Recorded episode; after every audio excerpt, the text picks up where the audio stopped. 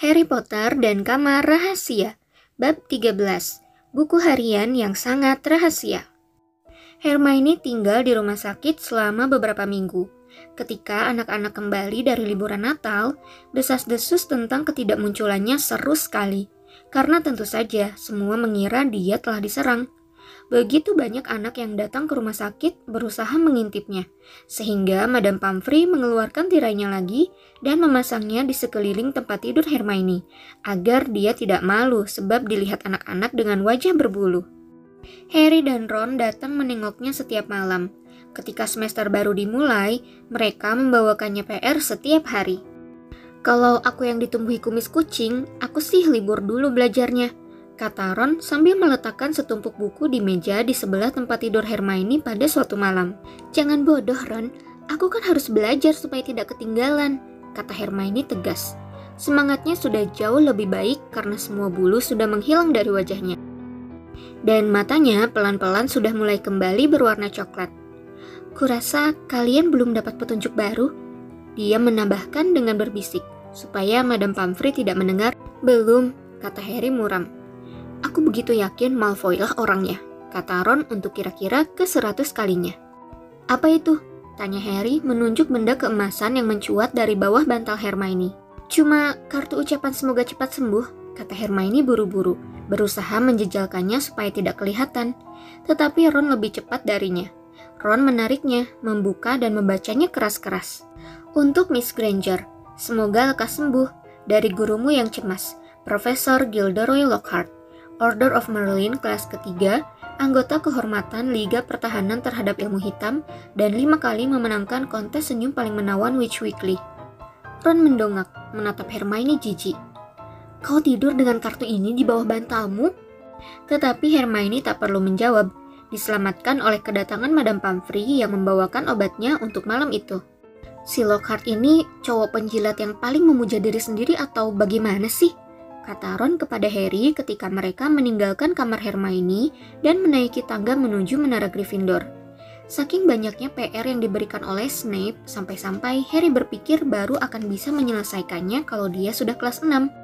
Ron baru saja berkata dia menyesal tidak bertanya kepada Hermione berapa buntu tikus yang harus ditambahkan ke dalam ramuan pendiri bulu kuduk ketika terdengar teriakan marah dari lantai di atas mereka. Si Filch, gumam Harry ketika mereka bergegas menaiki tangga dan berhenti, menyembunyikan diri, memasang telinga tajam-tajam. Apakah ada anak lain yang baru diserang? Kata Ron tegang. Mereka berdiri diam, kepala mereka condong ke arah suara Filch yang kedengarannya histeris. Lebih banyak lagi pekerjaan untukku, mengepel sepanjang malam, seperti aku tak punya cukup pekerjaan saja. Tidak, ini sudah kelewatan, aku akan ke Dumbledore. Langkah-langkah Filch menjauh dan mereka mendengar pintu ditutup keras-keras di kejauhan. Mereka menjulurkan kepala. Filch jelas baru saja berpatroli di tempat ia biasa berjaga. Mereka sekali lagi berada di tempat Mrs. Norris diserang. Dengan tatapan sekilas, mereka sudah melihat apa yang membuat Filch berteriak-teriak.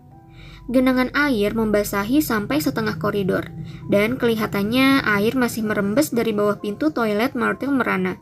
Sekarang, setelah Filch berhenti berteriak-teriak, mereka bisa mendengar tangisan Martel bergaung dari dinding-dinding toilet. Kenapa lagi tuh dia? Tanya Ron.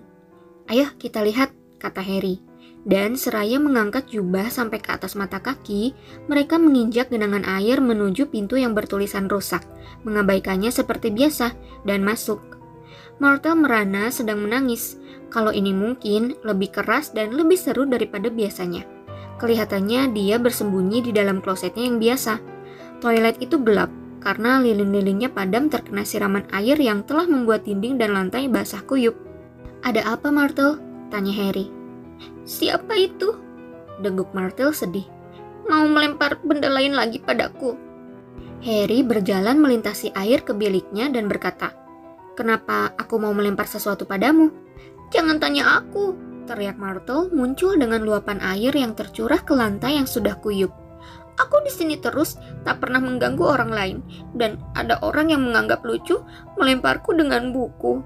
Tapi kau kan tidak sakit kalau ada yang melemparmu dengan sesuatu, kata Harry tenang. Maksudku, benda itu akan langsung menembusmu kan? Dia telah mengucapkan hal yang salah. Myrtle melayang dan menjerit.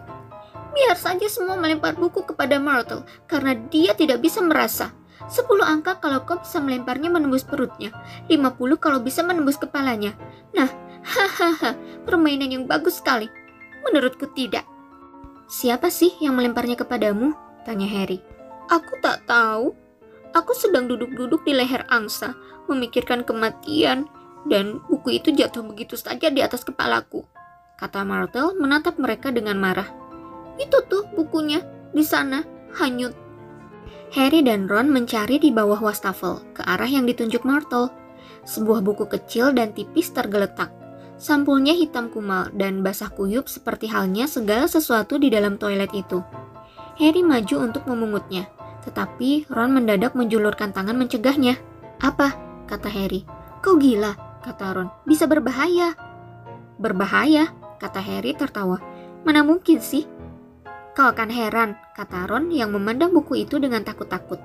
Beberapa buku yang disita kementerian, Dave cerita padaku, ada yang bisa membuat matamu terbakar. Dan siapa saja yang membaca soneta penyihir, seumur hidup akan bicara dengan gaya pantun jenaka. Dan ada penyihir tua wanita di Bath yang punya buku yang tak bisa berhenti dibaca. Terpaksa, kau akan ke mana-mana dengan buku itu di bawah hidungmu, mencoba melakukan segala hal dengan satu tangan, dan baiklah, aku paham, kata Harry. Buku kecil itu tergeletak di lantai, tak jelas buku apa, dan basah kuyup. Ya, kita tidak akan tahu kalau kita tidak memeriksanya, kata Harry sambil berlari mengitari Ron dan memungut buku itu. Harry langsung melihat bahwa itu buku harian, dan tahun yang sudah memudar di sampulnya memberitahunya bahwa usianya sudah 50 tahun. Harry membukanya dengan bergairah. Di halaman pertama, dia cuma bisa membaca nama T.M. Riddle yang tintanya sudah luntur. Tunggu, kata Ron yang sudah mendekat dengan hati-hati dan melihat melewati bahu Harry. Aku tahu nama itu. T.M. Riddle mendapat penghargaan untuk pengabdian istimewa kepada sekolah 50 tahun yang lalu. Bagaimana kau bisa tahu? Tanya Harry keheranan. Karena Filch menyuruhku menggosok trofinya kira-kira 50 kali waktu detensi itu, kata Ron sebal. Trofi itu yang kena muntahan siputku. Kalau kau menggosok lendir dari nama tertentu selama satu jam, kau akan mengingat nama itu juga. Harry hati-hati membuka halaman-halamannya yang basah. Semuanya kosong, tak ada bekas tulisan sesamar apa pun di halaman mana pun. Bahkan ulang tahun Bibi Mabel atau dokter gigi setengah empat misalnya juga tidak. Dia tidak pernah menulis di sini, kata Harry kecewa. Kenapa ya ada orang yang ingin melenyapkannya dengan membuangnya ke dalam toilet? Tanya Ron ingin tahu. Harry membalik buku itu untuk memeriksa sampul belakangnya dan melihat nama sebuah agen surat kabar di Vauxhall Road, London tercetak di situ. Pastilah dia kelahiran Muggle, kata Harry berpikir-pikir. Karena dia membeli buku harian di Vauxhall Road. Yah, tak banyak gunanya untukmu, kata Ron. Dia merendahkan suaranya. 50 angka kalau kau bisa melemparkannya menembus hidung Myrtle. Tetapi Harry mengantongi buku harian itu. Hermione meninggalkan rumah sakit tanpa kumis, tanpa ekor, dan tanpa bulu pada awal bulan Februari. Pada malam pertamanya berada kembali di Menara Gryffindor, Harry menunjukkan buku harian T.M. Riddle dan menceritakan kepadanya bagaimana mereka mendapatkannya. Wah, siapa tahu buku ini punya kekuatan tersembunyi, kata Hermione antusias, mengambil buku harian itu dan memeriksanya dengan teliti. Kalau memang punya, buku itu menyembunyikannya dengan sangat baik, kata Ron. Mungkin bukunya malu. Aku tak tahu kenapa kau tidak membuangnya saja, Harry. Aku ingin sekali tahu kenapa ada orang yang mau melenyapkannya, kata Harry. Aku juga tak keberatan mengetahui bagaimana Riddle mendapatkan penghargaan untuk pengabdian istimewa kepada Hogwarts. Bisa karena apa saja, kata Ron. Mungkin dia dapat 30 OWL atau menyelamatkan seorang guru dari cumi-cumi raksasa. Mungkin dia membunuh Myrtle. Itu akan menguntungkan banyak orang. Tetapi Harry bisa melihat dari ketertarikan di wajah Hermione bahwa Hermione memikirkan apa yang dia sendiri pikirkan. Apa? Tanya Ron memandang mereka bergantian. Ya, kamar rahasia dibuka 50 tahun yang lalu kan, kata Harry. Begitu kata Malfoy. Ya, kata Ron lambat-lambat. Dan buku harian ini usianya 50 tahun, kata Hermione mengetuk-ngetuk buku itu dengan bergairah. Jadi, oh Ron bangun dong, gertak Hermione. Kita tahu orang yang membuka kamar rahasia sebelum ini dikeluarkan 50 tahun lalu. Kita tahu TM Riddle mendapatkan penghargaan untuk pengabdian istimewa kepada sekolah 50 tahun lalu. Nah, bagaimana kalau Riddle mendapatkan penghargaan istimewanya karena dia menangkap pewaris Slytherin? Buku hariannya mungkin akan memberitahu kita segalanya, di mana kamar rahasia itu dan bagaimana membukanya, dan makhluk macam apa yang tinggal di dalamnya. Orang yang berada di belakang penyerangan-penyerangan kali ini tidak ingin bukunya tergeletak di sembarang tempat, kan? Teori yang hebat sekali Hermione, kata Ron. Hanya saja ada satu kendala kecil. Tidak ada tulisan apa pun di dalam buku harian itu. Tetapi Hermione mengeluarkan tongkatnya dari dalam tas. Mungkin tintanya tinta yang tidak kelihatan, dia berbisik. Diketuknya buku harian itu tiga kali, dan dia berkata, Apparition. Tak ada yang terjadi. Tidak putus asa, Hermione menjejalkan kembali tongkatnya ke dalam tasnya dan mengeluarkan sesuatu yang kelihatannya seperti setip merah cerah. Ini penampak, aku beli di Diagon Alley, katanya. Hermione menggosok keras-keras pada halaman 1 Januari. Tak ada yang terjadi. Sudah ku bilang, tak ada yang bisa ditemukan di situ, kata Ron. Riddle mendapatkan buku harian itu sebagai hadiah Natal dan tak mau repot-repot mengisinya. Harry tak bisa menjelaskan, bahkan kepada dirinya sendiri, kenapa dia tidak membuang saja buku harian Riddle. Nyatanya, meskipun dia tahu buku harian itu kosong, berulang-ulang tanpa sadar dia mengambil dan membuka-bukanya, seakan itu buku cerita yang ingin diselesaikannya. Dan meskipun Harry yakin tidak pernah mendengar nama TM Riddle sebelumnya, nama itu rasanya berarti sesuatu baginya. Rasanya seakan Riddle adalah temannya waktu dia masih kecil sekali dan sudah setengah terlupakan. Tetapi ini aneh. Harry tak pernah punya teman sebelum masuk Hogwarts. Dudley membuatnya tak punya teman. Meskipun demikian, Harry bertekad untuk mengetahui lebih banyak tentang Riddle.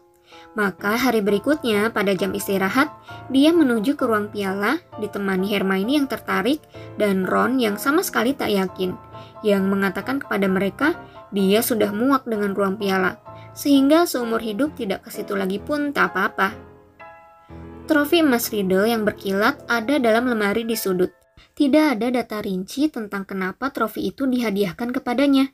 Bagus, kalau ada datanya, trofinya pasti lebih besar dan aku masih menggosoknya, kata Ron. Meskipun demikian, mereka menemukan nama Riddle di medali tua untuk penyihir berjasa dan di daftar ketua murid lama. Kedengarannya seperti Percy, kata Ron mengernyitkan hidung dengan jijik. Prefect, ketua murid, mungkin juara kelas tiap tahun. Kau mengatakannya seakan itu hal buruk, kata Hermione agak sakit hati. Matahari sekarang mulai bersinar lemah menyinari Hogwarts lagi. Di dalam kastil, suasana sudah lebih ceria. Tak ada lagi serangan sejak serangan terakhir terhadap Justin dan Nick si kepala nyaris putus. Madam Pumphrey dengan gembira melaporkan bahwa mandrake-mandrake sudah mulai murung dan serba berhasil, yang berarti mereka sudah meninggalkan masa kanak-kanak. Begitu jerawat mereka menghilang, mereka akan siap untuk ganti pot lagi. Harry mendengarnya memberitahu Filch dengan lembut suatu sore. Dan sesudah itu, tak lama lagi kita bisa memotong dan merebusnya. Kau akan segera mendapatkan kembali Mrs. Norrismu. Mungkin si pewaris Slytherin sudah kehilangannya Ali, pikir Harry. Pastilah resiko membuka kamar rahasia semakin lama semakin besar, dengan seluruh sekolah waspada dan curiga. Mungkin monsternya, entah apa bentuknya, sekarang bahkan sudah siap-siap tidur lagi untuk 50 tahun mendatang. Ernie Macmillan dari Hufflepuff tidak berpandangan seceria itu. Dia masih yakin bahwa Harry lah yang bersalah, bahwa Harry telah membocorkan rahasia dirinya di klub duel. Pips tidak membantu. Dia bolak-balik muncul di koridor-koridor sambil bernyanyi-nyanyi. Oh Harry, kau keji. Sekarang malah sambil menari-nari. Gilderoy Lockhart tampaknya berpikir dia seorang dirilah yang membuat serangan-serangan itu berhenti. Harry mendengarnya memberitahu Profesor McGonagall ketika anak-anak Gryffindor sedang berbaris untuk mengikuti kelas transfigurasi. Kurasa tak akan ada kesulitan lagi, Minerva, katanya, mengetuk-ketuk hidungnya sok tahu dan mengedip. Kurasa kamar rahasia sudah dikunci untuk selamanya kali ini. Pelakunya pastilah tahu, tinggal soal waktu saja sebelum aku menangkap mereka. Agak pintar juga berhenti sekarang sebelum aku menghajar mereka. Kau tahu, yang diperlukan sekolah sekarang adalah pengobar semangat, mengguyur kenangan buruk semester lalu. Aku tak akan ngomong banyak soal itu sekarang, tapi kurasa aku tahu apa yang bisa membuat anak-anak lebih bergairah. Dia mengetuk hidungnya lagi dan pergi. Ide Lockhart tentang pengobar semangat menjadi jelas pada waktu sarapan tanggal 14 Februari. Harry hanya sempat tidur sebentar karena malamnya dia latihan Quidditch sampai larut, dan dia bergegas turun ke aula besar. Ia sudah agak terlambat. Sesaat dia mengira dirinya salah masuk. Dinding-dinding dipenuhi bunga-bunga merah jambu besar norak. Yang lebih parah lagi, konfeti berbentuk hati berjatuhan dari langit-langit biru pucat. Harry berjalan ke meja Gryffindor. Ron tampak sebal, dan Hermione kelihatannya agak geli. Ada apa ini? Harry menanyai mereka, duduk dan menyapu konfeti dari daging asapnya. Ron menunjuk meja guru. Rupanya terlalu sebal untuk bicara. Lockhart memakai jubah merah jambu norak sesuai warna dekorasi, melambaikan tangan agar anak-anak diam. Wajah guru-guru di kiri kanannya bagai dipahat dari batu. Dari tempat duduknya, Harry bisa melihat ada otot yang berkedut di pipi Profesor McGonagall. Snape kelihatan seakan baru saja dipaksa meminum semangkuk besar Skelegro. Selamat Hari Valentine, Lockhart berteriak. Dan izinkan aku mengucapkan terima kasih pada 46 orang yang sejauh ini sudah mengirimiku kartu. Ya, aku berinisiatif mengatur kejutan kecil ini untuk kalian semua. Dan kejutan ini belum berakhir di sini. Lockhart menepukkan tangan, dan dari pintu-pintu yang menghadap ke aula depan, masuklah selusin kurcaci bertampang masam. Bukan sembarang kurcaci tapi, Lockhart membuat mereka semua memakai sayap keemasan dan membawa harpa. Kupit-kupit pengantar kartuku yang ramah, kata Lockhart berseri-seri. Mereka akan berkeliling sekolah hari ini, mengantar kartu Valentine kalian. Dan kegembiraan tidak berakhir di sini. Aku yakin kolega-kolegaku juga ingin bergabung dalam suasana penuh cinta ini. Kenapa tidak meminta Profesor Snape untuk mengajar kalian membuat ramuan cinta? Dan ngomong-ngomong soal cinta, Profesor Flitwick tahu lebih banyak tentang jimat pemikat dari penyihir mana pun yang pernah ketemui. Si licik ini. Profesor Flitwick membenamkan wajah di dalam tangannya. Tampang Snape seperti mau mengatakan orang pertama yang memintanya membuat ramuan cinta akan dicekoki racun. Hermione, mudah-mudahan kau bukan salah satu dari yang 46 itu, kata Ron sementara mereka meninggalkan aula besar untuk pelajaran pertama mereka. Hermione mendadak menjadi sangat sibuk mencari-cari daftar pelajaran di dalam tasnya dan tidak menjawab. Sepanjang hari itu, para kurcaci tak henti-hentinya bermunculan di kelas untuk mengantar kartu Valentine, sampai guru-guru menjadi jengkel sekali. Dan sorenya, ketika anak-anak Gryffindor sedang naik untuk pelajaran jimat dan guna-guna, salah satu kurcaci mengejar Harry. Oi, kau, Harry Potter, Seru kurcaci berwajah sangat murung, menyodok-nyodok anak-anak untuk bisa mendekati Harry. Dengan wajah terasa amat panas memikirkan dia akan diberi kartu Valentine di depan serombongan anak kelas 1, termasuk Ginny Weasley, Harry berusaha menghindar. Si kurcaci memotong jalannya dengan cara menabrak-nabrak tulang kering anak-anak dan berhasil menghadangnya sebelum Harry bisa maju dua langkah. Ada pesan musikal yang harus kusampaikan sendiri kepada Harry Potter, katanya, seraya memetik harpanya dengan gaya mengancam. Tidak di sini, desis Harry berusaha kabur. Diam dulu, gerutu si kurcaci, menyambar tas Harry dan menariknya. Lepaskan aku, bentak Harry balas menarik. Dengan bunyi cabikan keras, tasnya robek jadi dua. Buku-bukunya, tongkat, perkamen, dan pena bulu bertebaran di lantai, dan botol tintanya jatuh di atasnya. Tintanya muncrat ke mana-mana. Harry berjongkok gelagapan, berusaha mengumpulkan semuanya sebelum si kurcaci mulai menyanyi, menyebabkan kemacetan di koridor. Ada apa di sini? Terdengar suara dingin Draco Malfoy. Harry cepat-cepat menyejalkan semuanya ke dalam tasnya yang robek. Ingin sekali menjauh sebelum Malfoy bisa mendengar lagu Valentine-nya. Ribut-ribut apa ini? Kata suara lain yang tak asing ketika Percy Weasley tiba. Panik, Harry berusaha lari. Tetapi si kurcaci menyambar lututnya, membuatnya jatuh terjerembab ke lantai. Baiklah, katanya sambil duduk di atas pergelangan kaki Harry. Ini lagu Valentine-mu. Matanya sehijau acar kodok segar, rambutnya sehitam papan tulis. Ingin sekali aku memilikinya, dia sungguh luar biasa, pahlawan yang mengalahkan pangeran kegelapan. Harry bersedia memberikan seluruh emas di Gringotts jika dia bisa menghilang di tempat saat itu juga. Memaksa diri ikut tertawa bersama yang lain, Harry bangkit. Kakinya kebas sehabis diduduki kurcaci yang berat itu. Sementara itu, Percy berusaha sebisa mungkin membubarkan kerumunan anak-anak, yang beberapa di antaranya tertawa sampai keluar air mata. Bubar, bubar, bel sudah bunyi lima menit yang lalu, ke kelas sekarang, katanya menyuruh pergi anak-anak kelas 1. Dan kau, Malfoy. Harry mengerling melihat Malfoy membungkuk dan menyebar sesuatu. Sambil menyeringai, dia menunjukkannya kepada Crabbe dan Goyle. Dan Harry sadar dia mengambil buku harian Riddle. Kembalikan, kata Harry geram. Apa nih yang ditulis Potter di sini? Kata Malfoy yang jelas tidak memperhatikan tahun yang tertera pada sampulnya, dan mengira dia mendapatkan buku harian Harry sendiri. Suasana menjadi hening, karena anak-anak langsung diam. Ginny memandang Harry dan buku harian itu bergantian, tampak ketakutan sekali. Kembalikan Malfoy, kata Percy tegas. Kalau sudah kubaca, kata Malfoy melambai-lambaikan buku harian itu di depan Harry dengan mengejek. Percy berkata, sebagai prefek sekolah. Tetapi Harry sudah kehabisan kesabaran. Dia menarik tongkatnya dan berteriak, Expelliarmus! Dan sama seperti Snape yang melucuti Lockhart, buku harian itu melesat dari tangan Malfoy, terbang ke udara. Ron nyengir lebar menangkapnya. Harry, seru Percy keras. Dilarang menggunakan sihir di koridor. Aku harus melaporkan ini tahu. Tetapi Harry tidak peduli.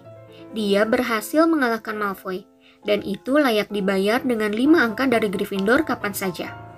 Malfoy marah sekali, dan ketika Ginny melewatinya untuk masuk ke kelasnya, dia berteriak menghina kepadanya. Menurutku, Potter sama sekali tidak menyukai Valentine-mu.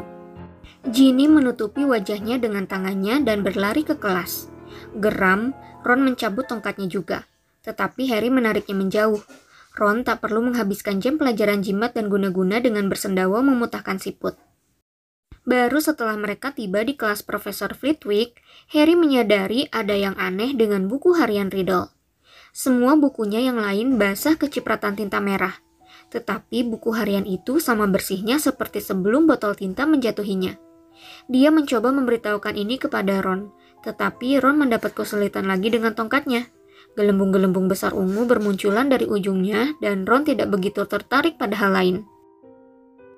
Harry masuk kamar sebelum anak-anak lain malam ini. Sebagian karena dia tak tahan mendengar Fred dan George sekali lagi menyanyikan matanya sehijau acar kodok segar. Dan sebagian lagi karena dia ingin memeriksa buku harian Riddle lagi. Dan dia tahu, menurut Ron, dia cuma membuang-buang waktu saja.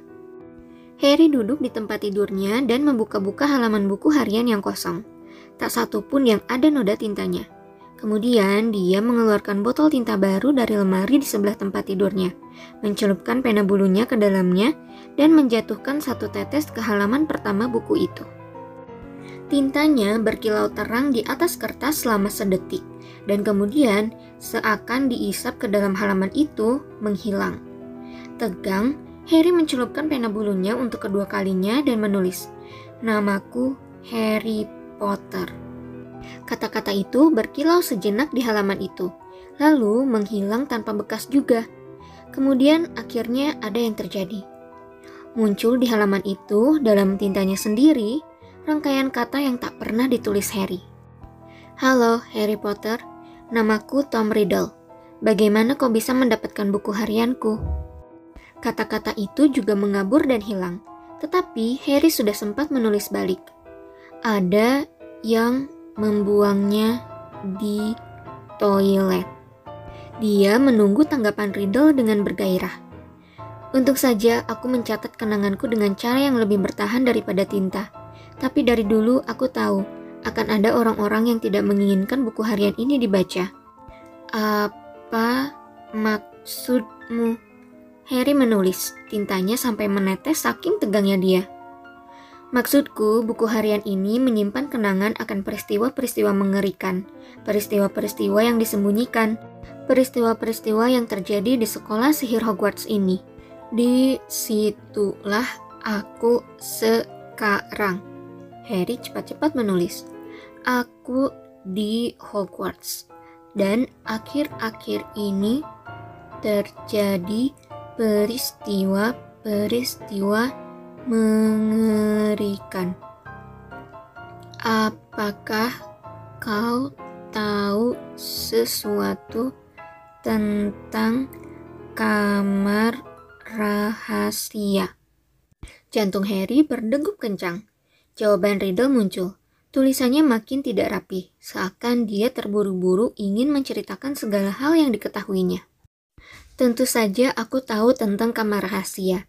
Pada zamanku bersekolah, mereka mengatakan itu cuma legenda, bahwa kamar itu tidak ada. Tetapi itu bohong. Dalam tahun kelimaku, kamar itu dibuka, dan monsternya menyerang beberapa murid. Akhirnya malah membunuh satu di antaranya. Aku menangkap orang yang membuka kamar rahasia itu, dan dia dikeluarkan. Tetapi kepala sekolah, Profesor Dippet, yang malu karena hal seperti itu terjadi di Hogwarts, melarangku menceritakan yang sebenarnya. Cerita yang dikeluarkan adalah anak perempuan itu meninggal dalam kecelakaan yang aneh. Mereka memberiku trofi bagus, berkilau dan berukir, dan memperingatkan aku untuk tutup mulut. Tetapi aku tahu peristiwa semacam itu bisa terjadi lagi monster itu masih hidup dan orang yang punya kekuasaan untuk melepaskannya tidak dipenjarakan. Harry nyaris saja menyenggol botol tintanya dalam ketergesaannya untuk menulis balik. Sekarang sedang terjadi lagi. Sudah tiga kali ada serangan dan tampaknya tak seorang pun tahu siapa yang ada di belakangnya. Siapa dalam serangan-serangan yang dulu? Aku bisa menunjukkannya kepadamu, muncul jawaban Riddle. Kau tak perlu sekadar mempercayai kata-kataku. Aku bisa membawamu ke dalam kenanganku pada malam aku menangkapnya. Harry ragu-ragu. Pena bulunya terangkat di atas buku harian itu. Apa maksud Riddle? Bagaimana dia bisa dibawa masuk ke dalam kenangan orang lain? Cemas, dia mengerling ke pintu kamar, ke asrama yang sekarang sudah gelap. Ketika dia kembali memandang buku harian, dilihatnya kata-kata baru sedang terbentuk. Ayo, kutunjukkan padamu. Harry berpikir sebentar dan kemudian menulis tiga huruf. Oke. Halaman-halaman buku harian itu mulai membuka cepat seakan tertiup angin kencang berhenti di tengah-tengah pada bulan Juni. Dengan mulut ternganga, Harry melihat kotak kecil untuk tanggal 13 Juni berubah menjadi layar televisi mini. Dengan tangan sedikit gemetar, diangkatnya buku itu untuk mendekatkan matanya ke layar kecil itu dan sebelum sadar apa yang terjadi, dia terhuyung ke depan. Layar itu membesar. Dia merasakan tubuhnya meninggalkan tempat tidur dan terperosok. Kepala lebih dulu lewat lubang di halaman itu ke dalam pusaran warna dan bayang-bayang. Harry merasa kakinya menginjak lantai keras, dan dia berdiri, gemetar ketika sosok-sosok yang bagai bayang-bayang kabur di sekitarnya mendadak menjadi jelas. Dia langsung tahu berada di mana. Ruang bundar dengan lukisan-lukisan yang sedang tidur ini adalah kantor Dumbledore. Tetapi bukan Dumbledore yang duduk di belakang meja. Seorang penyihir tua yang tampak ringkih, berkepala botak dengan hanya beberapa helai rambut putih, sedang membaca surat diterangi cahaya lilin. Harry belum pernah melihat pria ini. Uh, maaf, katanya gemetar. Saya tidak bermaksud mengganggu. Tetapi si penyihir tidak mendongak. Dia terus saja membaca, mengernyit sedikit. Harry mendekat ke mejanya dan berkata gugup, uh, saya pergi saja ya. Masih saja si penyihir tidak mengacuhkannya. Kelihatannya malah dia tidak mendengarnya. Mengira mungkin si penyihir tuli, Harry mengeraskan suaranya. Maaf mengganggu Anda, saya akan pergi sekarang, katanya setengah berteriak. Si penyihir melipat surat itu seraya menghela nafas. Bangkit, berjalan melewati Harry tanpa meliriknya, dan menarik terbuka gorden jendelanya. Langit di luar merah jingga. Rupanya matahari sedang terbenam. Si penyihir berjalan kembali ke mejanya, duduk, dan memutar-mutar ibu jarinya, memandang pintu. Harry memandang berkeliling ruangan itu. Tak ada Fox, si burung phoenix. Tak ada peralatan perak yang berputar. Ini Hogwarts pada zaman Riddle. Berarti penyihir tak dikenal itu adalah kepala sekolahnya, bukan Dumbledore. Dan dia, Harry, tak lebih dari bayangan. Sama sekali tak kelihatan bagi orang-orang dari 50 tahun lalu. Terdengar ketukan di pintu kantor. Masuk, kata si penyihir tua dengan suara lemah. Seorang anak laki-laki kira-kira berusia 16 tahun masuk, mencopot topi kerucutnya. Lencana prefek perak berkilauan di dadanya. Dia jauh lebih jangkung daripada Harry, tetapi dia juga berambut hitam legam. Ah, Riddle, kata si kepala sekolah. Anda ingin menemui saya, Profesor Tippett? Kata Riddle kelihatan gugup. Duduklah, kata Dipet. Aku baru saja membaca surat yang kau kirim kepadaku. Oh, kata Riddle. Dia duduk, kedua tangannya saling mencengkram erat-erat. Nak, kata Dipet lembut. Aku tak mungkin mengizinkanmu tinggal di sekolah selama musim panas. Tentunya kau ingin pulang berlibur? Tidak, kata Riddle segera. Saya lebih suka tinggal di Hogwarts daripada pulang ke... ke Kau tinggal di panti asuhan Muggle selama liburan kan? Kata Dipet ingin tahu. Iya, sir, kata Riddle. Wajahnya agak memerah. Kau kelahiran Muggle? Setengah-setengah, sir, kata Riddle. Ayah Muggle, ibu penyihir. Dan kedua orang tuamu? Ibu saya meninggal setelah melahirkan saya, sir. Orang-orang di panti asuhan memberitahu saya. Dia cuma hidup cukup lama untuk memberi nama saya, Tom, sesuai nama ayah saya. Marvolo sesuai nama kakek saya. Dipet mendecakkan lidah bersimpati. Masalahnya, Tom, dia menghela napas. Sebetulnya kami bisa mengatur secara khusus untukmu. Tetapi dalam situasi seperti sekarang ini, maksud Anda semua serangan itu, Sir? Kata Riddle, dan hati Harry mencelos. Dia mendekat, takut ada yang ketinggalan tidak didengarnya.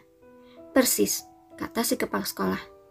Nah, Kau pasti sadar betapa bodohnya aku kalau mengizinkanmu tinggal di kastil setelah tahun ajaran berakhir. Terutama kalau mengingat tragedi yang baru saja terjadi. Kematian anak perempuan yang malang itu. Kau akan jauh lebih aman di panti asuhanmu. Terus terang saja, Kementerian Sihir sekarang bahkan sedang membicarakan kemungkinan menutup sekolah ini. Kita tak mendapat kemajuan menemukan uh, sumber semua ketidaknyamanan ini. Mata Riddle membesar. Sir, kalau orang itu tertangkap, kalau semua ini dihentikan, apa maksudmu? Kata Dipet, suaranya sedikit melengking. Dia duduk tegak di kursinya. Riddle, apakah maksudmu kau tahu sesuatu tentang serangan-serangan ini? Tidak, sir, kata Riddle buru-buru. Tetapi Harry yakin itu model tidak yang sama seperti yang dia sendiri katakan kepada Dumbledore. Dipet terenyak kembali di kursinya, kelihatan agak kecewa. Kau boleh pergi, Tom, Riddle bangkit dari kursinya dan keluar dari ruangan. Harry mengikutinya. Mereka menuruni tangga spiral, muncul di sebelah gargoyle di koridor gelap.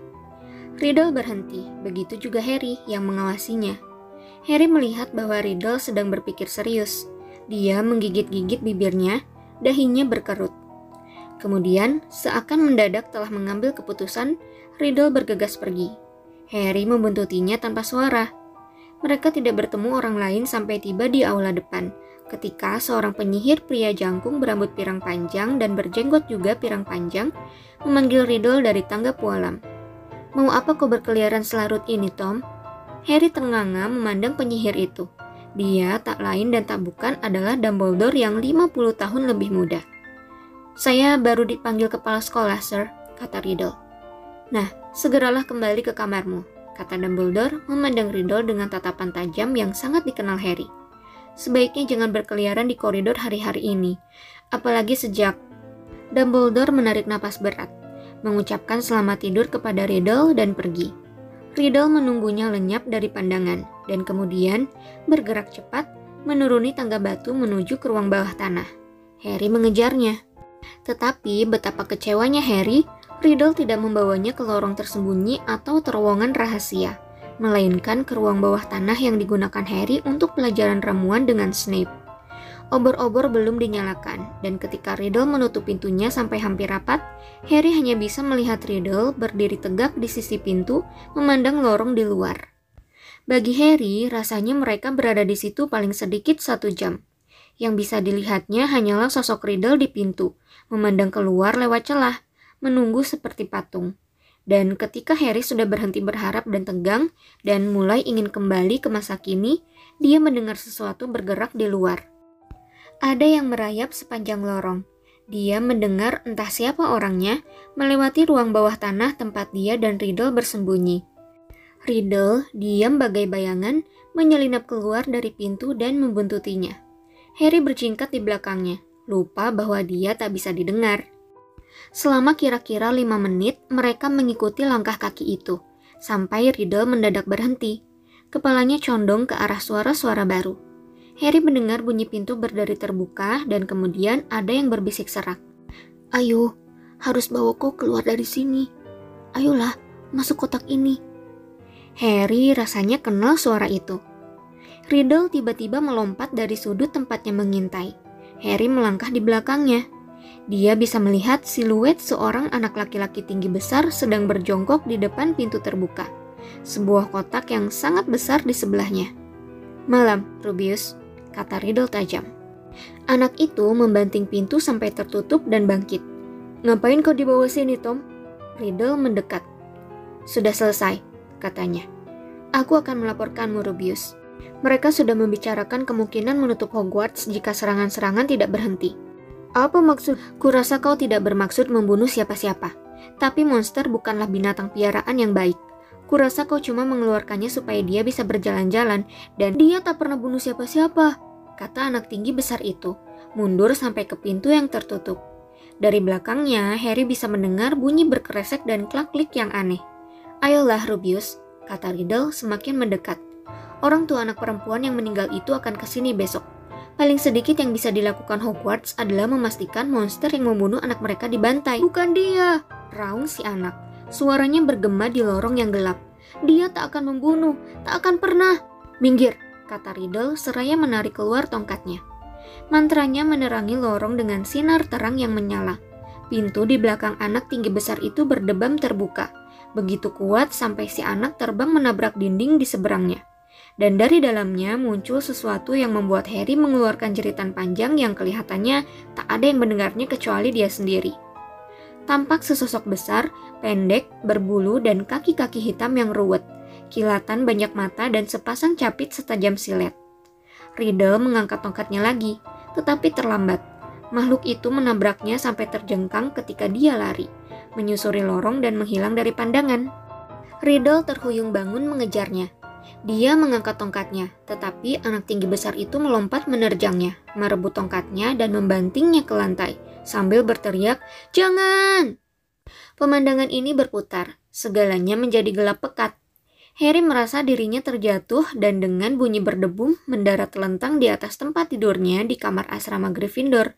Buku harian Riddle tergeletak terbuka di atas perutnya. Sebelum dia sempat mengatur nafasnya, pintu kamar terbuka dan Ron masuk. Kau di sini rupanya, katanya. Harry duduk. Dia berkeringat dan gemetar. Ada apa? Tanya Ron memandangnya dengan cemas. Hagrid, Ron. Hagrid lah yang membuka kamar rahasia 50 tahun yang lalu.